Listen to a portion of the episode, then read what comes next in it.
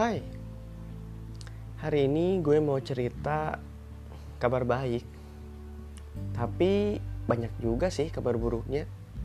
Ya sesuai dengan judul, judul podcast kali ini, sedih di seperempat tahun 2020. Sedih karena negara kita negara kita sendiri dipaksa untuk tidak bisa bebas melakukan aktivitas seperti biasanya. Ya, dengan adanya virus COVID-19 ya walaupun sifatnya sementara tapi efeknya besar banget. Mau itu ke kegiatan yang biasa kita lakuin mau itu ke perusahaan-perusahaan pedagang kecil pekerja pembisnis semua terkena efeknya terkena dampaknya termasuk gue sendiri. Bukan hanya tentang keuangan yang terganggu tapi kasihan juga mereka yang tidak bisa berkumpul dengan keluarganya karena larangan mudik tahun ini.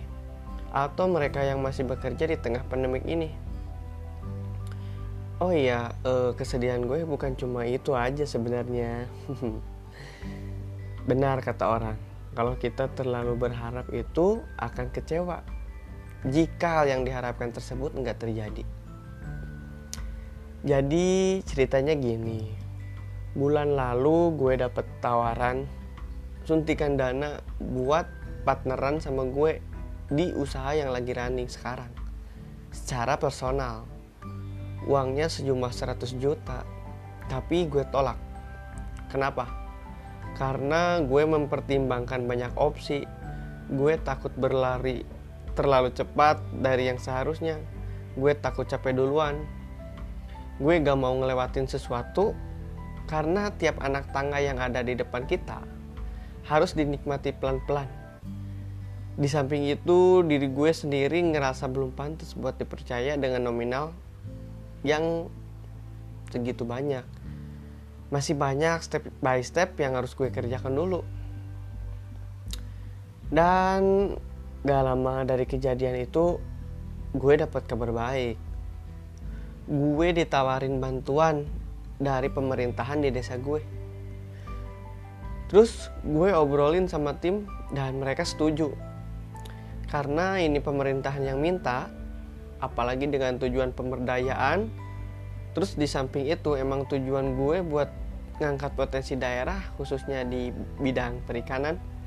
Jadi gue setuju. Ya walaupun emang jumlahnya cuma seperempat dari tawaran yang sebelumnya. Tapi no problem. Apalagi buat kesejahteraan orang di desa gue juga. Gue udah berharap lebih dan dinanti-nanti. Karena pas gue udah setuju dan ACC otomatis gue bikin plan dong dengan uang yang ada gue harus alokasikan ke mana? Atau minimalnya gue harus tanggung jawab karena pemerintah udah percaya ke gue. Setelah plannya jadi terus tinggal nunggu uangnya dan kabarnya hari ini akan diberikan tebak apa yang terjadi.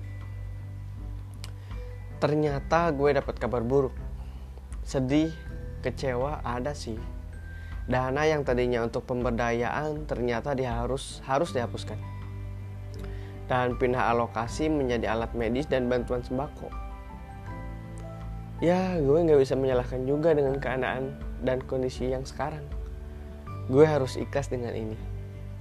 Gue harus happy juga karena semua ini diberikan buat masyarakat yang membutuhkan, buat kita juga Indonesia, bukan buat personal secara pribadi. Dan dari situ gue belajar satu hal. Ternyata sesuatu yang emang bukan buat gue, sekeras apa pun gue paksakan, tetap aja gak akan jadi milik gue. Sama dengan kalau udah emang rejeki, serumit apa pun halangannya akan tetap sampai. Kalau udah rejeki kan gak akan ke mana. Jadi mungkin ini belum rejeki gue. Ya walaupun tetap positif thinking, walau susah, karena mau sepositif thinking apa pun akan selalu ada resah di hati. Itu kita gak akan bisa bohong. Uh, terus apalagi ya yang terjadi di seperempat tahun ini? Oh iya dulu sebelum gue mulai dengan usaha yang sekarang lagi running gue satu tahun kumpulin niatnya aja untuk kayak sekarang. Dan di dalam satu tahun itu gue nabung buat jaga-jaga. Ketika nanti usahanya baru jalan dan gue belum dapat income gue masih punya uang buat gue bertahan. Gue mulai nabung ceritanya untuk itu. Dan gue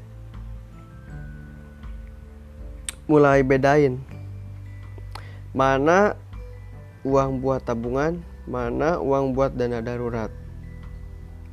Karena gue udah bisa nebak ketika nanti gue baru running usahanya, gue pasti belum dapat penghasilan. Ya kalian tau lah yang namanya merintis kayak gimana. Gue udah siap dengan resiko yang akan gue ambil. Dan boom. Hari ini semuanya terjadi dan berbarengan.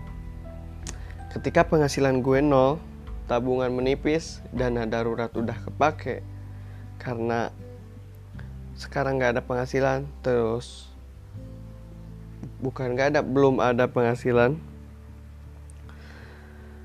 Terus usaha gue baru running 4 bulan, gue punya sih income tambahan dari luar, tapi sekarang terhalang dengan kondisi adanya wabah wabah virus COVID-19 ini. Mana besok udah masuk bulan Ramadan, terus selanjutnya menghadapi Idul Fitri yang biasanya gue tanggung buat ibu gue sendiri semuanya dari kebutuhan makanan, baju baru, alat sholat. Mungkin buat tahun ini maafkan anakmu ya mam Ya mungkin beliau mengerti dengan kondisi dan keadaan gue yang sekarang. Gue hanya minta doanya saja. Semoga ini cepat berlalu dan kembali normal. Gue harus kuat dengan ujian yang sedang menimpa gue sekarang. Karena gue percaya Allah gak mungkin kasih ujian kalau hamanya gak mampu. Tolong dikuatkan saja pundakku. Terima kasih telah membuat gue selalu bersyukur apa pun keadaannya gue tiap hari capek bukan karena kerja tapi capek buat mikir ya sebenarnya tinggal dijalanin aja sih gak usah dipusingin juga. Karena percuma kan kalau cuma plan tanpa action iya gak sekarang gimana caranya gue bertahan sembari lakukan apa yang gue mampu? Jangan lupa hargai apa yang ada di genggaman genggaman kecil lo saat ini. Karena kehidupan itu nggak bisa ditebak. Jadi persiapkan bagian terbaik dan terburuknya. Semangat dan selamat bertumbuh ya. Bye-bye.